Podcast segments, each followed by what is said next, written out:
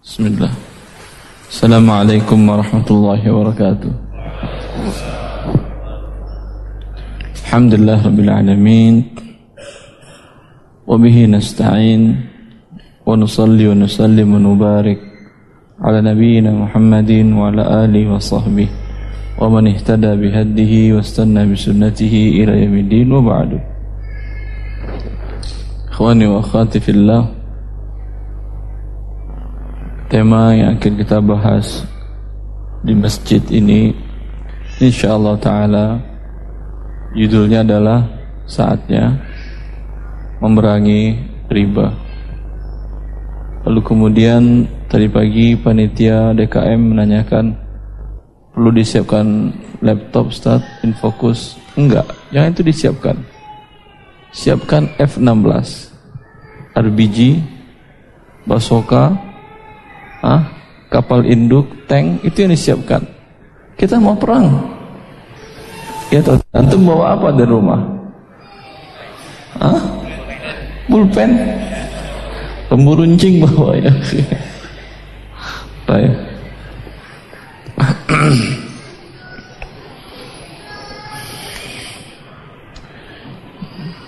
yang pelaku riba dia sesungguhnya berperang. Kita bukan memerangi mereka. Yang akan memerangi mereka adalah Allah Azza wa Jalla silahkan bawa semua itu tadi. Bawa F-16 kapal induk ah, peluru kendali nuklir sekalian. Lawan Allah oleh anda. Kira-kira siapa yang menang? Kira-kira atau pasti? Pasti kalah pelaku riba tadi karena dilawannya Allah Azza wa Jalla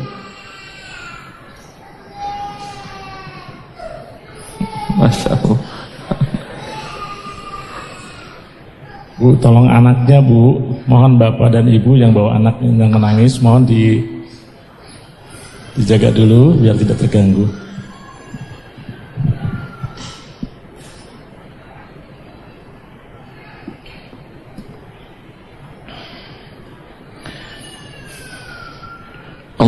Subhanahu wa taala di dalam Al-Qur'an telah menyatakan tersebut Ya ayyuhalladzina amanu taqullah wa dharu ma baqiya minal riba in kuntum mu'minin fa in lam taf'alu fa'lanu biharbin minallahi wa rasulih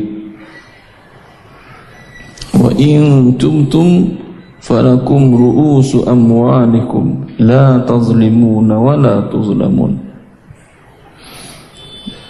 Dalam surah Al-Baqarah Allah menjelaskan Wahai orang-orang beriman Bertakwalah kalian kepada Allah Dan tinggalkan riba Jika kalian betul orang beriman. Maka Tidak mungkin digabung antara iman dengan perbuatan riba karena Allah janjikan jika kalian beriman. Maka kata Allah, kalau kalian beriman pasti kalian tinggalkan riba. Kalau kalian berbuat riba berarti eh, apakah dia kafir? Diperangi dia? Sabar dulu sebentar masalah perang-perang. Fa in lam taf'alu fa'dhanu biharbin minallahi wa jika kalian belum melakukannya ya tadi disuruh apa oleh Allah? Tinggalkan. Kalau kalian beriman. Kalau kalian belum tinggalkan ya pertama sudah Allah katakan kalian belum beriman namanya kemudian belum juga kalian tinggalkan berarti kalian mengumumkan perang melawan Allah dan Rasulnya. Benar apa yang saya katakan tadi Saya minta LBG, minta peluru kendali. Benar. Ibn Abbas mengatakan Dalam menafsirkan ayat ini bahwasanya Kepada pelaku riba nanti di akhirat Allah berikan pedang kepada dia. Ini pedang Barizni mari lawan aku kata Allah. Ha? mari lawan aku kata Allah Azza wa Jal. Allahu Akbar.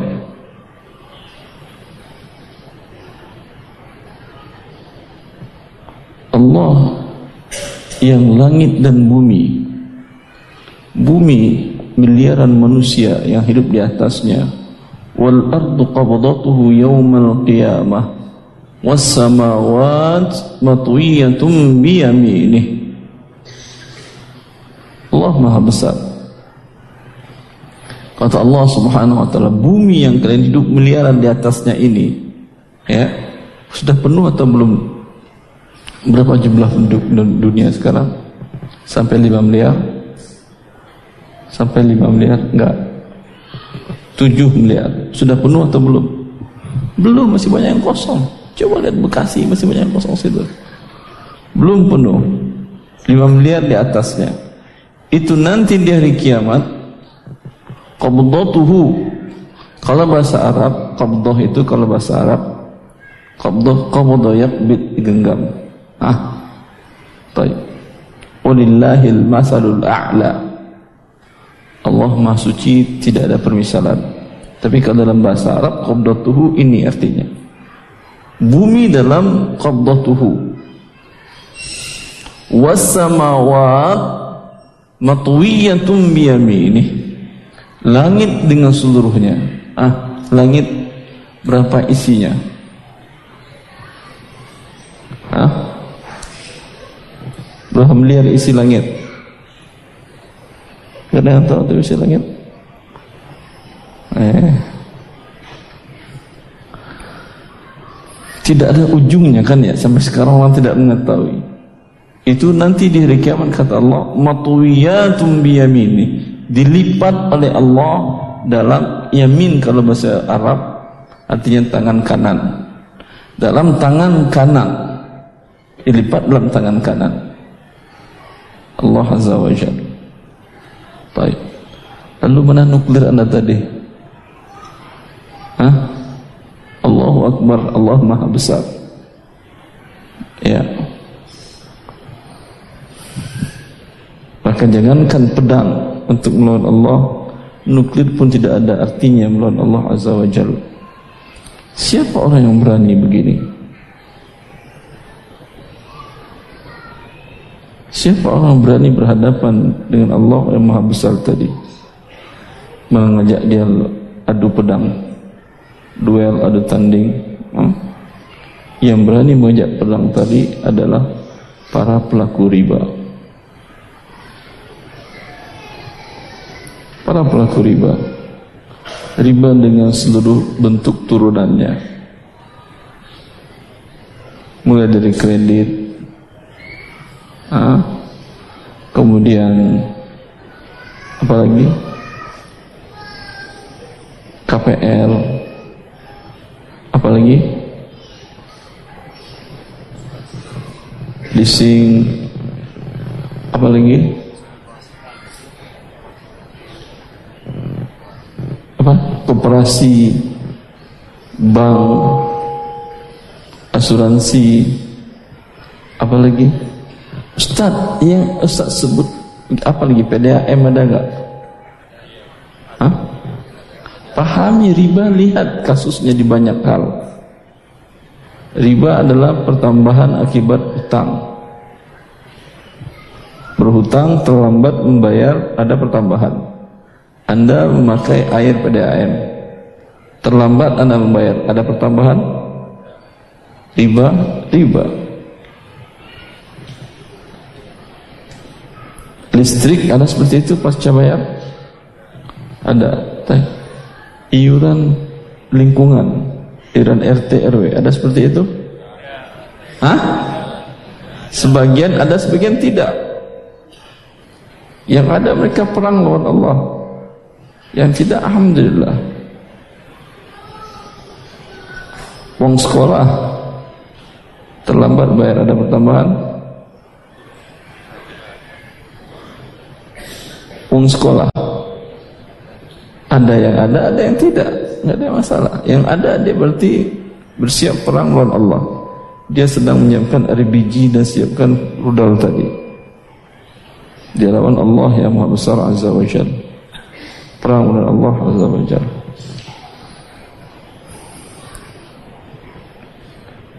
Kalau gitu gimana kita hidup Ustaz? Yang jelas kita nggak mungkin perang melawan Allah. Allah utus saja kepada pasukan di masa sebelum Rasulullah SAW lahir. Pasukan terkuat di waktu itu kekuatan terkuat dari Habasyah mereka. Mereka bukan pasukan dari dari Jazirah Arab bukan. Mereka dari seberang dari Afrika. Sengaja mereka datangkan pasukan bergajah. Tentara yang terkuat di waktu itu. Apa yang Allah kirim kepada mereka burung cuman burung. Ababil tayran ababil. Senjata yang dikirimnya dikirimkan oleh Allah apa? Hah? tarmihim bihijaratin min sijil hanya batu dari neraka. Kena batu ini bolong sampai ke bawah. Bolong-bolong seperti di apa daun dimakan ulat bolong-bolong seperti itu Lihat senjata Allah tidak merusak alam semesta.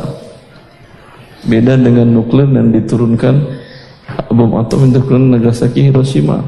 Sampai sekarang orang merasakan apa dampak negatifnya kerusakannya kepada lingkungan. Kalau ini tidak ada yang rusak, hanya yang kena itu saja. Gajah yang kena bolong-bolong badannya. Sampai Abraha tadi dia lari lagi ke Yaman ke tempat base campnya. Sudah seperti kecil badannya terkena bolong-bolong tadi. Putus-putus badannya langsung. Itu tentara dikirim oleh Allah Azza wa Jalla.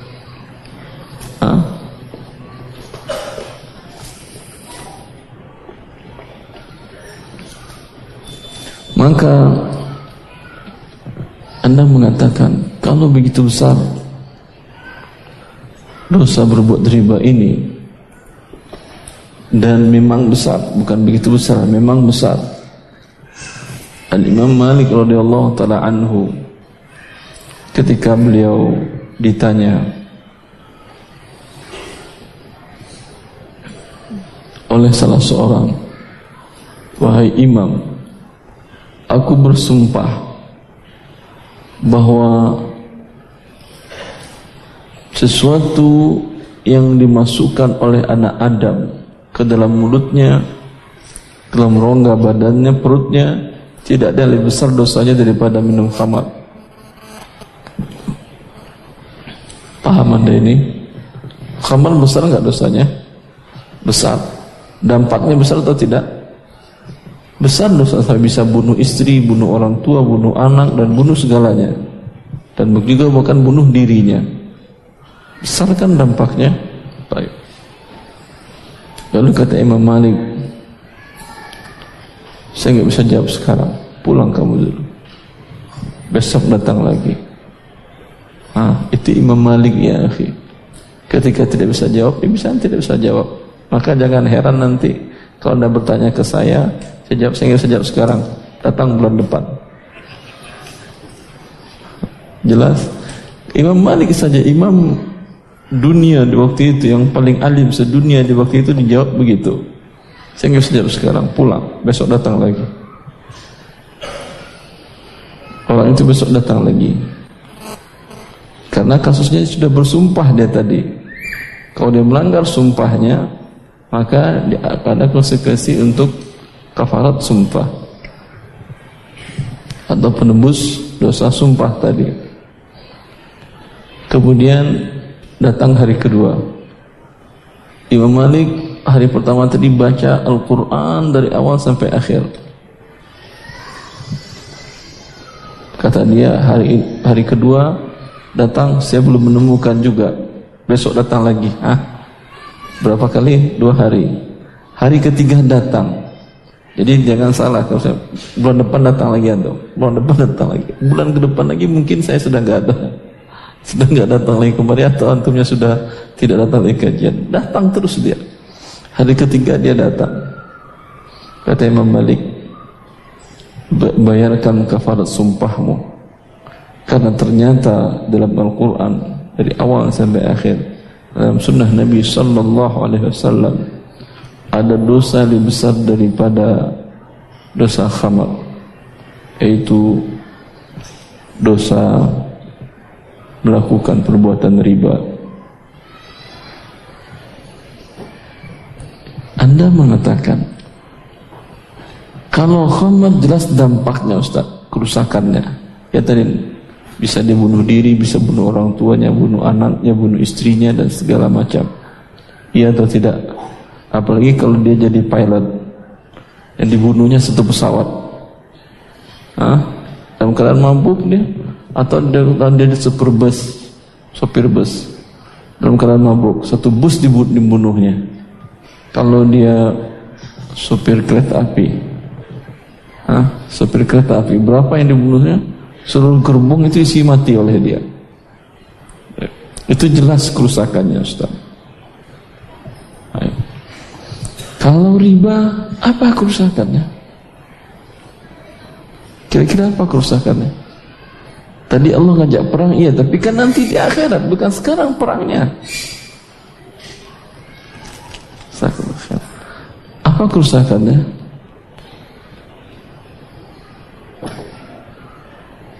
Yang tahu jawabannya dapat air. Inflasi. Dapat contekan dari mana itu? Fadal. Bukan harganya yang penting, berkahnya ya akhi. Dari panitia. Insyaallah. Betul. Inflasi.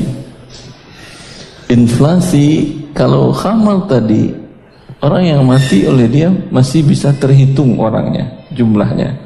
Hah? Paling 100 orang, 200 orang, 1000 orang, 2000 orang. Inflasi berapa yang dimatikan, berapa uang orang yang diambilnya? Bisa dihitung? Bisa dihitung? Tidak bisa. Makanya hanya Allah yang bisa menghitung mereka, Allah yang perangi mereka. Inflasi semua orang tahu penyebabnya riba. Baik para ekonom muslim maupun ekonom kafir dari semua agama mana pun. Sampai seorang pakar ekonomi dari Jepang yang dia tidak agama penyembah matahari. Hah? Ada agamanya enggak? Enggak ada agamanya dia. Dia juga mengatakan inflasi tidak akan selesai kasusnya sampai kredit bunga di lembaga keuangan 0%. Artinya tidak ada bunga, tidak ada riba. Baru inflasi selesai. Apa hubungan riba dengan inflasi? Mari kita lihat. Ketika seorang pengusaha ingin membangun bisnisnya, ingin dia produksi barang atau jasa yang ingin dijual, atau pedagang, ah, atau siapa pun yang mengajukan pinjaman riba ke lembaga-lembaga keuangan riba tadi. Para pengusaha, para pedagang ini akan membayar bunga ribanya itu dari mana? Hah? Dari mana?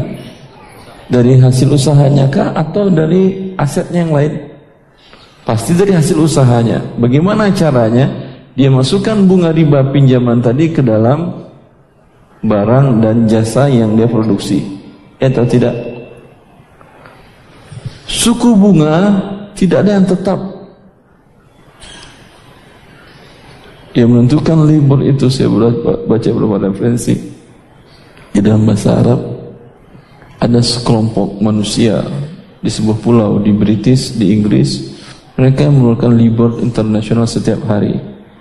Acuannya sampai sekarang tidak ada yang mengerti hubungan logika antara suku bunga itu kenaikannya kenapa jadi sekian, jadi sekian, jadi sekian tidak ada.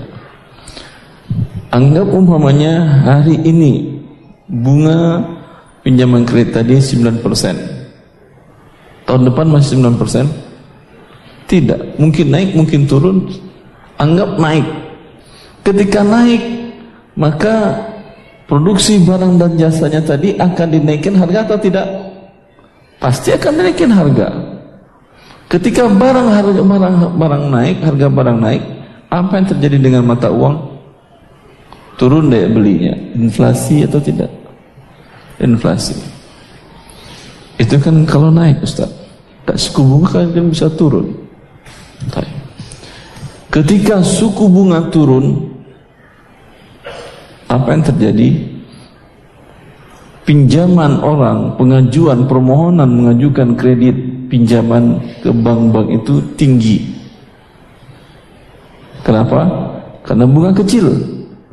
Kan bisa beli rumah, beli kendaraan, beli bikin usaha, modal tambah dan segala macam karena bunga kecil. Ya atau tidak? Ketika bunga kecil tadi pinjaman banyak, sedangkan kemampuan bank memberikan uang terbatas. Tetapi ketamakan bank lembaga keuangan tadi Ketika orang pinjam dan dia dan dia akan mendapatkan keuntungan bunga dari sana, pasti akan dia buat uang baru. Memang uang uang kartal dia cetak terbatas, tapi bank-bank bisa mengeluarkan uang dalam bentuk surat berharga dan lain-lain. Berbentuk giral dan lain-lain. Iya atau tidak? Maka jumlah uang bertambah. Apa yang terjadi dengan harga barang? jumlah uang bertambah dari adanya turun atau naik daya beli uang turun karena keseimbangan tidak ada jelas jadi riba mau dinaikin suku bunganya mau diturunin pasti akan berdampak kepada inflasi dan inflasi adalah kejahatan kemanusiaan. Yang dizoliminya bukan satu dua orang. Semua orang yang memegang uang itu uang yang terkena inflasi itu ya dan semua orang terkena inflasi akan berkurang daya belinya. Di tahun 2017 berapa inflasi triwulan terakhir kemarin berapa inflasi? 7 persen? Hah? berapa persen? Berapa? 5,1 persen. Tiga bulan terakhir belakangan.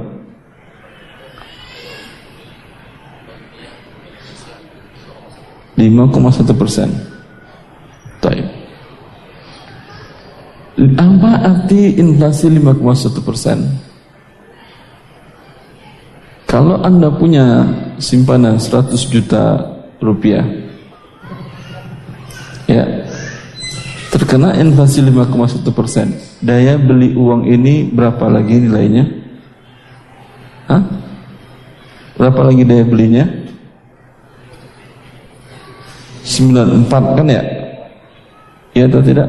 94,9 9,94,9 juta 94 juta Siapa yang mencuri uang anda 5 juta tadi? Siapa yang curi? Hah? Inflasi tadi, tukang riba tadi. Lihat, itu yang punya 100 juta, masih ada 94 juta dia. Kalau yang punya cuma 10 juta, yang punya cuma 100 ribu, dulu 100 ribu dia bisa beli motor, bisa beli sepeda, sepeda bisa hidup. Saya pernah berikan pelatihan di Chevron.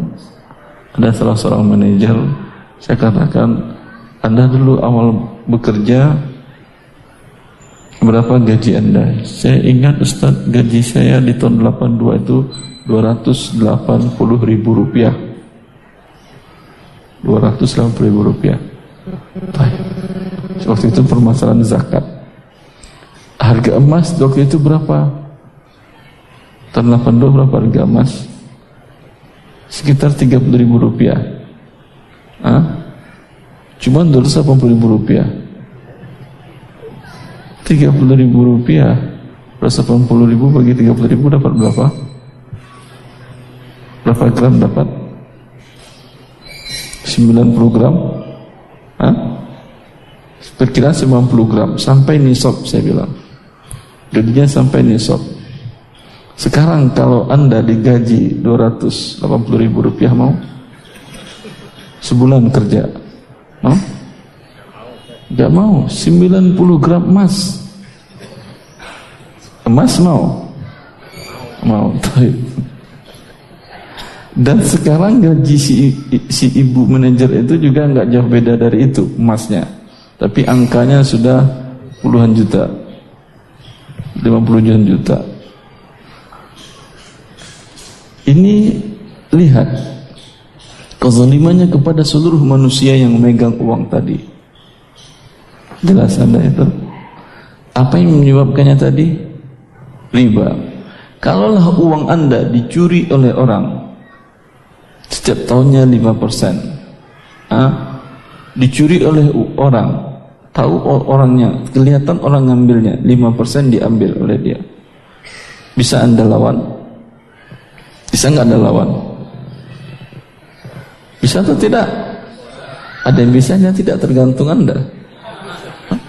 Ada yang bisa, ada yang tidak. Setiap setiap diambilnya setiap tahun 5%, 5%, 5% diambil setiap tahun. Kalau maling manusianya kelihatan, gampang melawannya. Tinggal teriak, selesai urusannya kan ya. Ah, maling, maling, maling, taib. Atau lapor pihak yang berwenang, selesai urusannya. Tapi kalau diambil uang anda oleh pelaku riba, bagaimana anda yakinnya? Bisa anda lawan? Tidak bisa. Tidak bisa. Makanya cukuplah Allah yang melawan mereka. Allah yang langsung turun tangan dari arshnya dari langit ketujuh untuk melawan para pelaku riba ini nanti. Maka jangan pernah berani untuk melakukan riba tadi. Ya. Ustaz kita paham bahwa pelaku riba itu perang melawan Allah. Tapi bagaimana lagi Ustaz? Kita hidup seperti ini ah, usaha butuh uang pinjaman buat modal. Emang Ustadz bisa beli rumah tanpa KPR riba? Emang Ustadz bisa beli mobil tanpa KPR leasing riba? Apalagi? Ah apalagi? Dan seterusnya. Baik. Apa jawabannya bisa? Bisa atau tidak? Bisa. PDAM? Bisa. Hah? Bisa pasti. Pasti bisa. Karena Allah yang mengharamkan dan Allah tidak mungkin mengharamkan sesuatu yang berguna untuk hambanya. Wa ma rabbuka bidhallamin lil abid kata Allah. Allah tidak pernah menzalimi hambanya. Syariat Allah ini Allah turunkan bukan untuk membuat kita terzolimi, membuat hidup kita susah, bukan. Tetapi sebaliknya membuat hidup kita bahagia, senang di dunia sebelum di akhirat. Tadi kan sudah kita lihat ketika riba dilanggar terjadi kesusahan hidup, inflasi terjadi. Ya.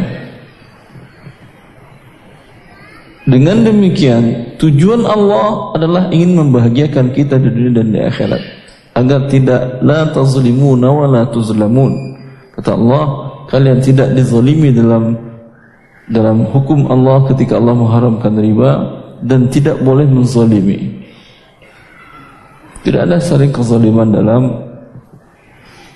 hukum dan perintah Allah Azza wa Jal. Akan tetapi bila riba ha, tetap kalian lakukan maka kalianlah menzalimi diri kalian sendiri. Ini ketentuan Allah Azza wa Jalla sunnah kauniyah. Tidak mungkin peradaban manusia akan berjaya, akan menjadi bahagia, tentram, sentosa selagi riba merupakan pokok tonggak dari kehidupan mereka. Saya kira uraian cukup. Silahkan yang mau berdiskusi bertanya jawab.